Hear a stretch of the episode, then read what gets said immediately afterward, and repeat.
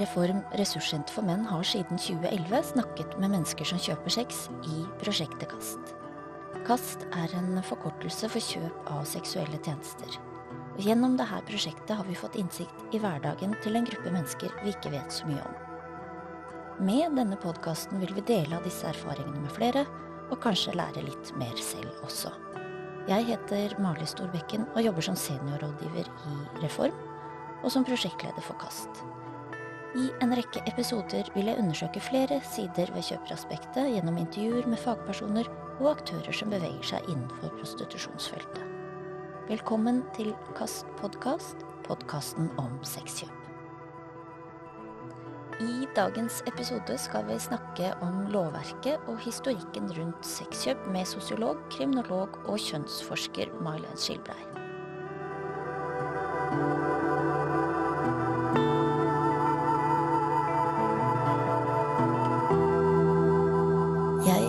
Synes kanskje det noen ganger kan være vanskelig å skille ulike deler av det kommersielle sexmarkedet fra hverandre. For hva vil det egentlig si å kjøpe sex? Hvis jeg for eksempel kjøper sex og filmer det, er det da porno, eller er det sexkjøp? Og rammes jeg av sexkjøpsloven om jeg kjøper tilgang til bilder på Onlyfans? Og hvor streng straff får jeg om jeg blir tatt for å kjøpe sex? En som kanskje kan svare på noen av disse spørsmålene, det er deg, professor May-Len Skilbrei. Velkommen i studio. Tusen takk. Og du har jo brukt store deler av din akademiske karriere til å forske nettopp på prostitusjon. Eh, så jeg lurer på hva er det med den tematikken som interesserer deg? Det er et tema som har eh, som vekker mye offentlig oppmerksomhet og debatt, og sånn har det vært veldig lenge. Og sånn er det nesten alle steder. Og det gjør det Og samtidig fortsetter det å finnes, selv om det er kontroversielt nesten alle steder. Og det gjør det jo til et interessant måte, punkt å undersøke eh, måte, hva det er med forholdet mellom politikk og individers handling. Det er jo Forsøkene på å regulere og begrense prostitusjon er svært utbredt. Det gjør man på mange ulike måter over eh, nesten hele kloden. Og likevel så fortsetter det. sånn at da er det på en måte et felt hvor det er betimelig å stille seg spørsmål ved om hva funksjonen til politikk er. Så det er først og fremst altså politikken og reguleringa av prostitusjon du har forska mest på? Jeg er også interessert i hvordan folk forholder seg til forsøk på å bli regulert. Så i min tidligste prostitusjonsforskning så forska jeg på hvordan folk hadde det i prostitusjonen. Hvordan kvinner spesielt ble rekruttert inn i prostitusjon. Hvordan de opererte, hvordan logikken i markedet ble. Det ble tidlig veldig tydelig for meg at det ble prega av politikk, men ikke nødvendigvis på de måtene som politikken var ment å utrette.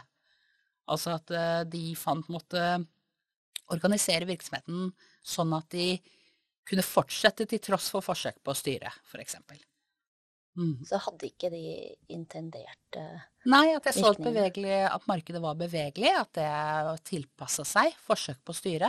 Det veksla mellom ulike måte, grader av offentlighet og privathet. Ute, inne. Annonseringsformuleringer. Altså jeg så at markedet og individene i markedet var høyst fleksible. Som eksempel med hallikparagrafen, når man forsøkte ja, så man har jo ulike, man har brukt veldig mange ulike deler av lovverket i Norge for å prøve å regulere bort prostitusjon. Eh, og halliklovgivningen på 90-tallet da jeg begynte å studere dette, var ikke halliklovgivningen særlig mye brukt. Det var mer egentlig andre deler av lovverket som var viktig da. Man brukte helseforskrifter og plan- og bygningsvedtektene for å prøve å redusere synlig prostitusjon i Oslo, f.eks. Mm. Ja, det er interessant plan- og bygningsloven. Ja, så akkurat som markedet er fleksibelt, så er også politikken fleksibel på den måten at politikere typisk, og andre som prøver å måtte regulere bort prostitusjonen, typisk eh, leter med lys og lykt etter mange forskjellige måter å gjøre det på. Mm.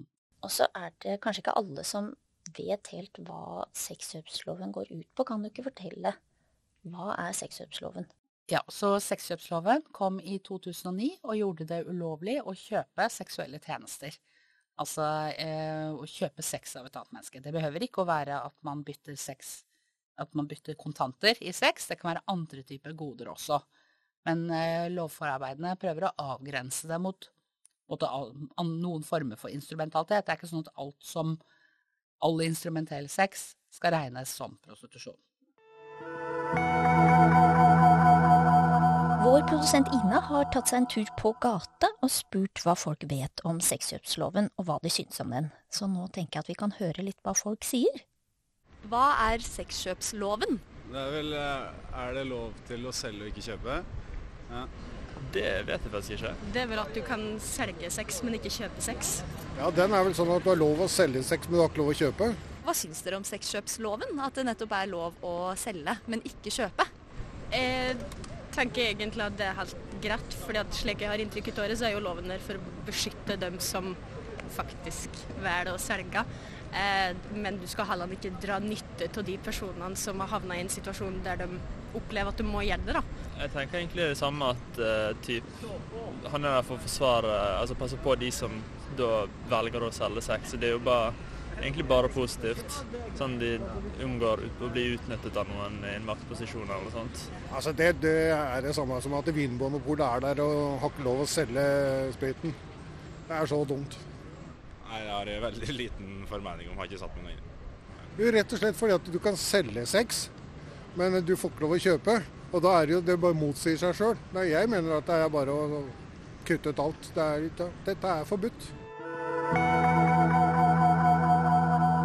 Ja, her var jo de fleste klar over hva loven gikk ut på, men meninga var jo litt delt eh, når det gjelder hva man tenker om den. Hva tror du eh, er grunnen til at vi innførte loven i Norge? Jeg tror at det var flere typer bekymringer som løp parallelt, og som kom sammen og skapte et politisk flertall for å kriminalisere sexkjøp. Og ingen av de bekymringene var nye, det mer nye var at de kom samtidig. Man var bekymra for den grensekryssende prostitusjonen, både fordi det ble opplevd å forråde prostitusjonen og ha betydning å ødelegge nærmiljøer, både i eh, Finnmark og i Oslo. Og man var bekymra for at det kunne være mulig menneskehandel, som innebar da utnytting av de personene som solgte sex. Så det var på en måte én del av resonnementene bak. Det andre er at det over tid hadde vokst fram en, en, en, feministisk fortolkning av årsakene til og konsekvensene av prostitusjon. Og det starta allerede på 80-tallet, eller 1980, vil jeg faktisk si. Eh, hvor det samtidig som eh, det vokste fram lignende type ideer og diskusjoner i Sverige, som da kriminaliserte sexkjøp i 1999, så kom det også på 80-tallet i Norge, hvor man begynte å tenke på prostitusjon som forbundet med makt Makt som handla om sosial ulikhet, makt som handla om kjønnsrelasjoner i samfunnet. I stedet for å bare forstå det som en individuell transaksjon, som folk godt kunne gjøre hvis de ville det. Så ble altså en sånn grunnleggende maktfortolkning av årsakene bak prostitusjon. Og man begynte å få mye oppmerksomhet om potensielle skadevirkninger av prostitusjon. Så dette er altså den andre argumentasjonsrekken. Og det som er spesielle fram mot innføringa av sexkjøpsloven i Norge, var at denne bekymringen av den grensekryssende prostitusjonen, som også handla om måte, ikke bare handla om bekymring for personene som solgte sex, men også handla om bekymring for hvordan samfunnet utvikla seg når dette gjorde prostitusjon mer synlig og en del av det norske samfunnet. Så da kom det samtidig som bekymring for at prostitusjon skyldes kjønnsulikhet og sosial ulikhet, og at den skaper det samme. For det var vel litt, eh, kan man si, litt bakteppe var at det ble så mange synlige i gatene. Fra 2006 og utover så kom det en norsk målestokk, ganske mange nigerianske kvinner som solgte sex i Norge. Eh, det betyr ikke at prostitusjonsomfanget økte, men at nigerianske kvinner både så ut og oppførte seg på en måte som gjorde at de ble bedre lagt merke til. Blant annet så solgte de sex på Torgallmenningen i Bergen og eh, på Karl Johan i Oslo, og det ble regna som en endring. Nå er ikke det helt sant. Eh, det har alltid vært prostitusjon de to stedene, men de ble kanskje bedre lagt merke til. Blant annet fordi de markedsførte tjenestene sine øh, høylytt istedenfor å hviske det og være flaue. Uh, men også fordi de rett og slett var svarte. Så det var en uh, god dose bekymring over denne migrasjonstypen også uh, involvert i det. Ganske sånn stygge, rasialiserte framstillinger av problemet med de nigerianske kvinnene. Nå har det jo gått noen år siden vi innførte loven. Hvordan følges loven opp i Norge i dag? Eh, og er det mange som blir dømt, og hva slags straff risikerer man om man blir tatt? Eh, det er jo bøtestraff for å hovedsakelig. Det er jo subsidiært fengsel, det er mulig med fengsel også, men det er jo bøtestraff som deles ut for sexkjøp.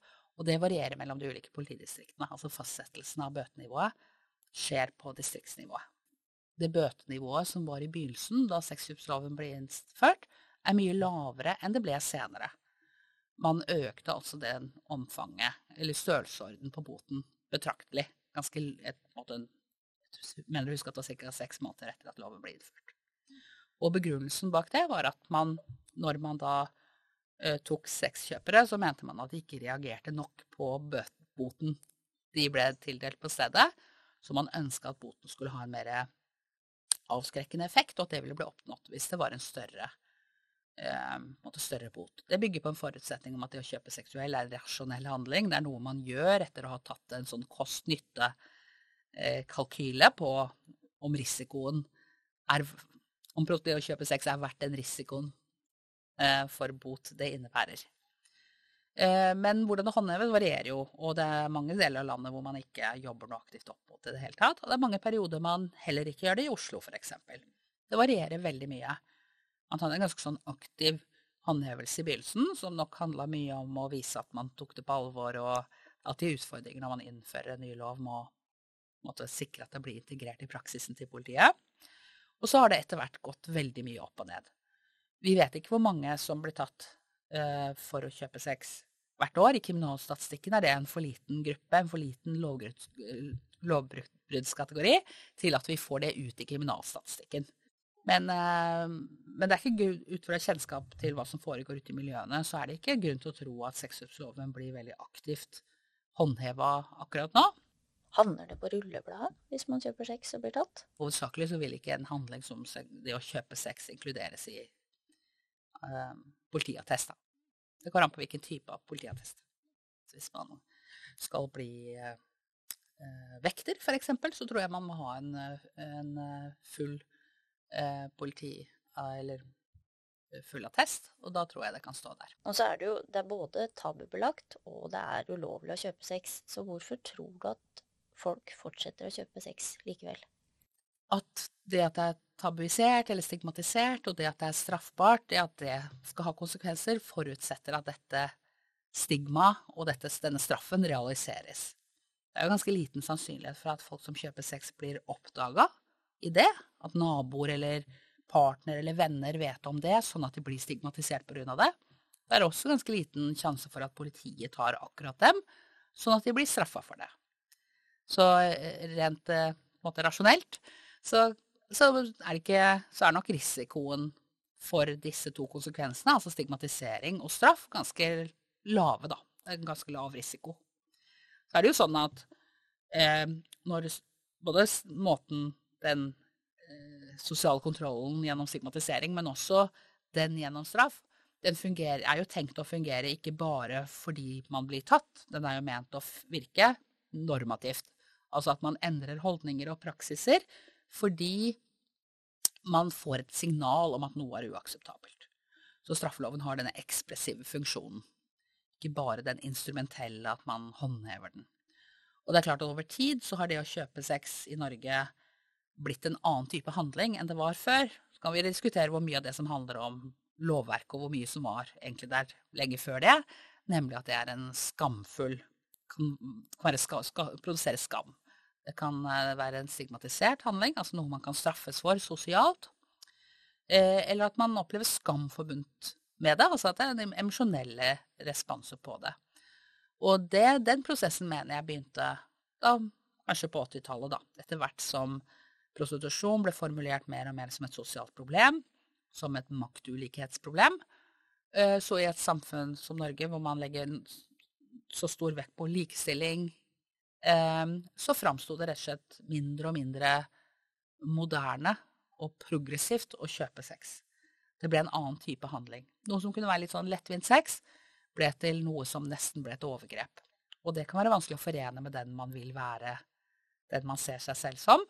Og man kan tenke seg at den normendringa over tid eh, endrer både hvem som kjøper sex, men kanskje også hvordan man gjør det. da. Man kan tenke seg at det forbindes med mer skam, at eh, man kunder oppfører seg annerledes. Man kan tenke seg mange typer responser på å være i en sånn type normativ eh, kryssild, da. Ja, det erfarer vi jo ofte med de vi snakker med på Mm. kast. At det, det, den handlingen de gjør, står ikke i tråd med det verdisettet de egentlig har. Likevel så fortsetter de. Og det syns jeg er veldig interessant. Så tenker jeg òg denne normgivende funksjonen. Den kan vi kanskje se gjenspeiles i statistikk på hvor mange som kjøper sex i Norge, f.eks. sammenligna med eh, Spania. Jeg vil jo anta det. Nå har vi jo ikke, typisk ikke god statistikk om dette. Statistikk på dette området er eh, både i Norge fraværende, men også i samfunn hvor man, land hvor man har statistikk, så er den veldig tvilsom. Eh, og ikke minst i samfunn hvor det er stigmatisert og kanskje også straffbart å kjøpe sex, så vil det påvirke svargivningen. Det er også sånn at seksualvaneundersøkelser i veldig mange land har veldig svekka oppslutning. Altså få spørsmål om praksiser som øh, Om seksuelle praksiser er noe folk er mindre villige til å svare på nå enn før. I Norge pleide vi å ha store seksualvaneundersøkelser, eh, og jeg hadde med et batteri av spørsmål om det er sist gang det gikk, og det var i 2008. Hvor jeg prøvde å få en oversikt, eller sammen med forskere, andre kollegaer på Fafo, prøvde å få en oversikt over omfanget av erfaring med prostitusjonskjøp i Norge. Men svarprosenten ble så lav at de dataene kunne ikke brukes. Så det er 2002. Antall personer der som har kjøpt sex er veldig lavt, så jeg ville vært veldig forsiktig med å konkludere noe basert på det Da var det 13 men den prosenten Ja, men det er, det er snakk, hvis jeg ikke husker feil, er det snakk om 132 personer i materialet.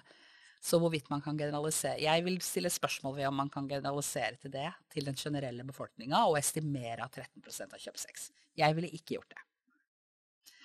Og, og typisk så er det lav svarprosent. Det kan være veldig skeivt hvem som svarer. Eh, altså man kan tenke seg at de som eh, Og man kan tenke seg at folk pynter på sannheten i møte med et sånt type spørsmål. Eh, og når det appåtil er veldig få som svarer, så blir det da et veldig tynt grunnlag. Og det her gjelder jo da i veldig mange land. Da blir jeg litt sånn nysgjerrig på For det var jo en veldig Disse tallene som ikke er sikre i det hele tatt, fra 2002. Der var det jo en veldig liten andel kvinner som svarte at de hadde kjøpt sex. Da lurer jeg på, tror du f.eks. kvinner som reiser eh, til fattige land og sier jeg hermetegn kjøper kjærlighet, tror du de vil si at de kjøper sex? Kvalitativ forskning vi har blant den gruppa, viser at de omdefinerer de relasjonene de går inn i. Selv om det involverer både sex og verdier, også kontanter, så forstås det som, så rammes det inn som en annen type handling enn prostitusjon. Og det vil sikkert gjelde folk rundt dem også, at de får det signalet fra mange hold om at dette er noe annet. Så romance tourism blir da framstilt som noe veldig annet enn det menn gjør når de reiser til det globale sør og kjøper sex. Selv om når man kvalitativ forskning viser at praksisen er ganske like. Det handler ikke bare, Når menn kjøper sex i utlandet, så handler det ikke bare om å For noen selvfølgelig handler det om å bare kjøpe et enkelttilfelle av sex, men for andre handler det om å reise sammen et par uker og gi et økonomisk bidrag til hennes familie, osv. Så, videre.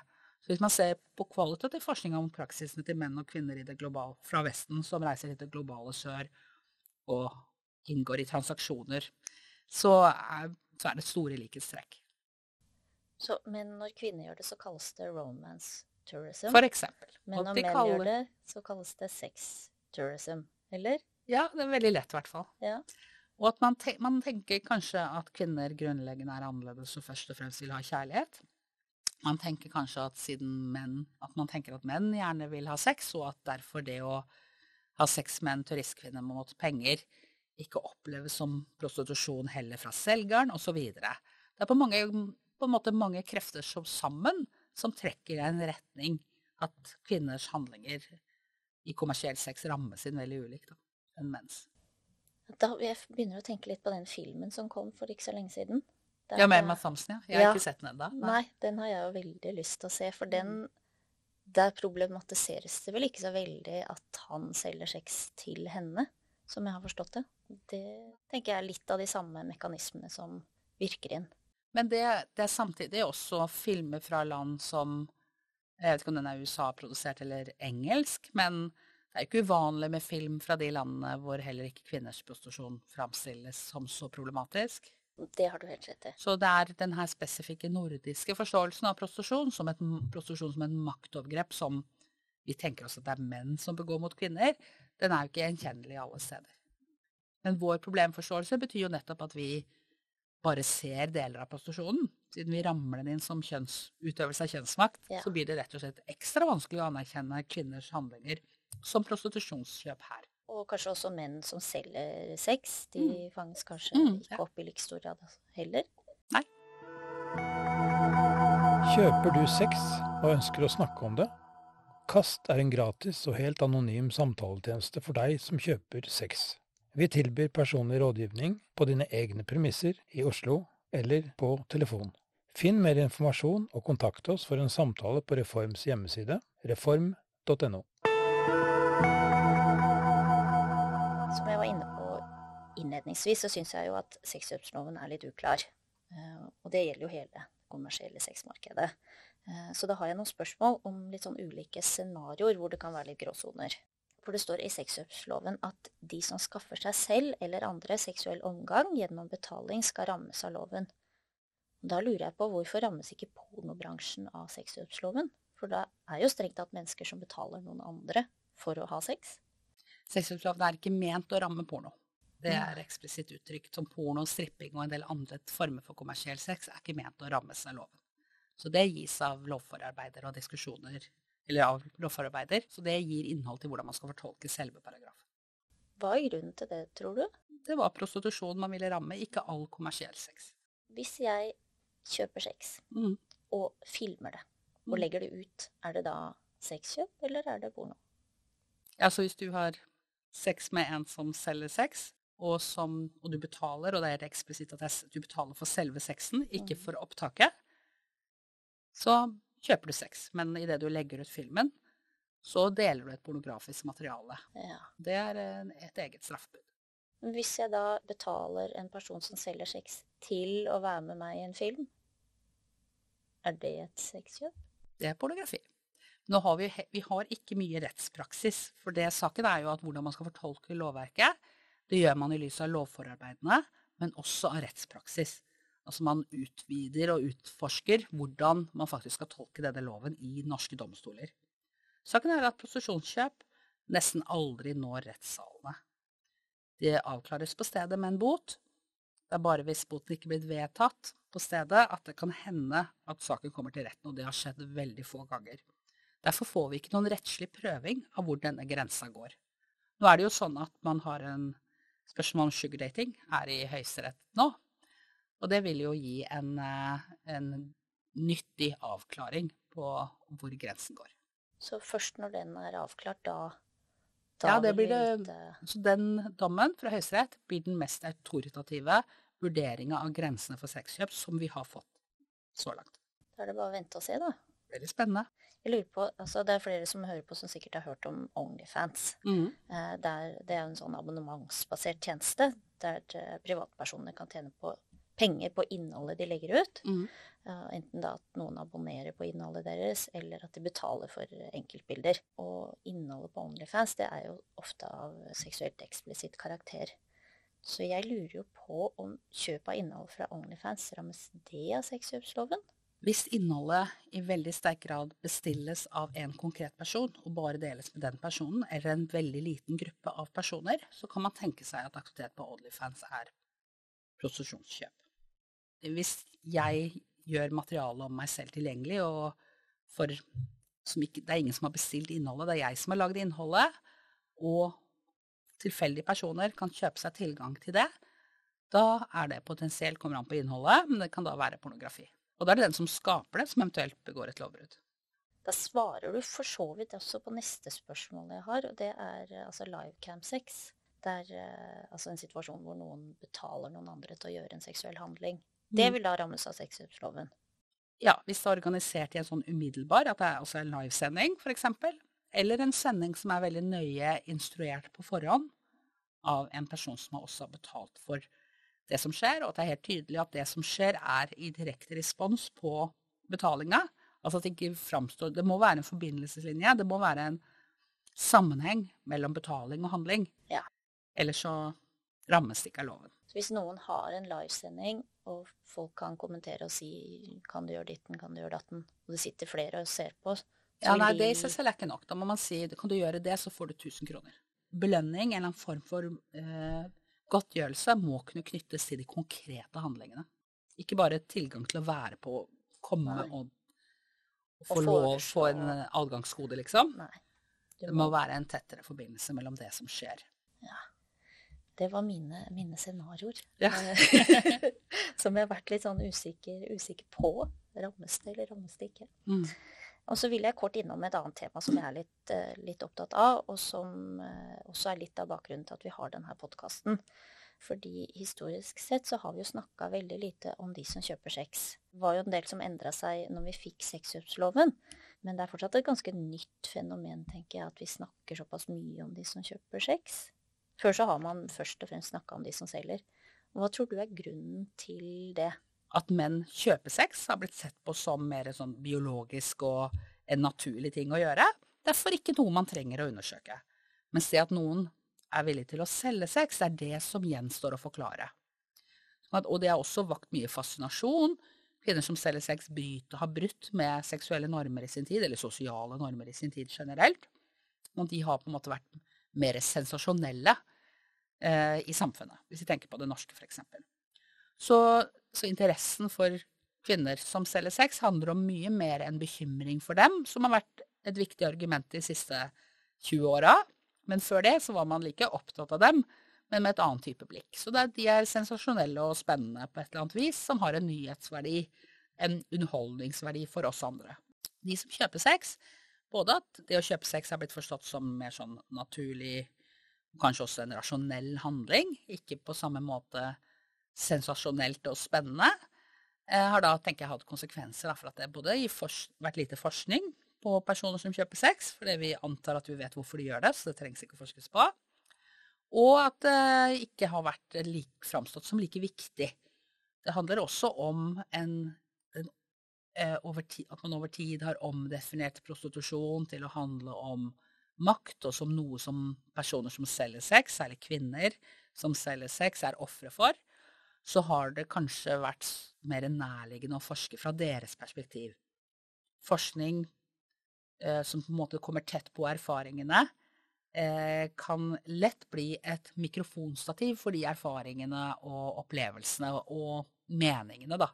Og at det kanskje har vært, mer, vært flere som har hatt lyst til å representere kvinner som selger sex. Nå prater jeg ikke bare om Norge, jeg prater generelt. At det er litt mer fristende å representere interessene til, behovene til, erfaringene til personer som selger sex, heller enn å representere og prøve å forklare og også forstå personer som kjøper sex. Det handler litt om hvem man har sympati med. Jeg forsker jo også på voldtekt, og det forskes utrolig mye mer på erfaringene og perspektivene til personer som er voldtatt, enn til personer som voldtar andre. Som jeg tror nettopp handler om det at man eh, velger litt side gjennom det perspektivet man forsker fra. Det syns jeg er interessant, for hvis man mener at prostitusjon f.eks. er et problem, eller at mennesker kjøper sex er et problem, da burde vel egentlig størsteparten av forskningen ligge på de som er utøverne, Ja, det burde det. kunne man tenke. Ja, man kan tenke seg at det å hele tiden fokusere på kjennetegn ved og erfaringene til personer som selger sex, eller kvinner som er utsatt for seksuelle overgrep, så kan det være med å på en måte skape et inntrykk at handlingene handler om dem. Så sånn politisk sett så har det noen type potensielle problematiske konsekvenser, hvor vi retter oppmerksomheten gjennom kunnskapsproduksjon kan ha noen politiske konsekvenser. Men det er vanskelig å gjøre noe med det. Det handler om hvem man har sympati med, hvem man har lyst til å snakke med. Så hvis man skal på en måte Og det finnes folk som forsker både på prostitusjonskjøp, ikke i Norge, men andre steder, og folk i Norge som forsker på eh, personer som begår seksuell vold, f.eks. Så der, det finnes jo da unntak, men det krever en liten litt ekstra kraftanstrengelse, både fra forskerne og orke å gjøre det, kanskje, men også fra myndighetene å finansiere forskning sånn at det blir prioritert. For det ser ut som at hvis forskere får bestemme selv, så driver de og henger seg veldig opp i hvordan kvinner har det. Ja. og som fagperson, Marlen, mm. trenger vi mer forskning om personer som kjøper sex? Vi vet jo, det, det kommer jo an på hva man vil med, med eh, kunnskap. Eh, vi får aldri noe komplett bilde av personer som eh, selge sex, nei, kjøper sex, hvis vi tenker at det er et mål om å, ut, å utvikle tiltak som bidrar til mer forebygging eller bedre oppfølging av personer som kjøper sex, så trenger vi i så fall mer kunnskap om det. Det skapes jo en del i tiltaksapparatet, f.eks. i KAST, men det brede laget av sexkjøpere vet vi jo ikke noe om. Sånn at hvis det er en målsetting å treffe med tiltak, eh, da trenger man mer kunnskap. Men akkurat prostitusjon så er det sånn at en del forskning foregår rett og slett bare fordi folk er nysgjerrige. Man bare vil vite, vil vite mer om disse folkene og hva de holder på med. Det er veldig sånn sensasjonslyst knytta til prostitusjon. Som jeg tenker at man, betyr at man også kan være litt sånn tilbakeholdende med forskning. Eh, hvis man ikke har noe veldig konkret formål med kunnskapen som produseres. Så en oppfordring er at både tilskuddsyterne skal gi mer til forskning på de som kjøper, og mindre sensasjonspreget forskning også, kanskje, da. Ja, og med et konkret formål, da. At man skal være eh, Det er klart at alle at sosiale handlinger er det jo interessant å vite hvorfor foregår, og hva er dynamikken, osv. Men jeg tenker på at man skal stille seg et kritisk spørsmål før man går inn i forskning på et tema som prostitusjon. Om hva er det jeg Hvorfor gjør jeg dette? Hva skal vi med dette? Mm. Mm. Tusen takk for at du kom hit, Marlen, og tok deg tid. Bare hyggelig. Hyggelig å bli invitert. Og tusen takk til deg som har hørt på. Følg med i neste episode. Da skal vi faktisk besøke Sex og Samfunn, som har et eget smittesjekktilbud for personer som kjøper sex. Prosjektet KAST er støttet med midler fra Justis- og beredskapsdepartementet. Musikken du har hørt er skrevet og fremført av Arne Håkon i Cellar Light. Produsent og tekniker er Ina Slaveikov. Ansvarlig redaktør er Are Såstad, og mitt navn er Mali Storbekken.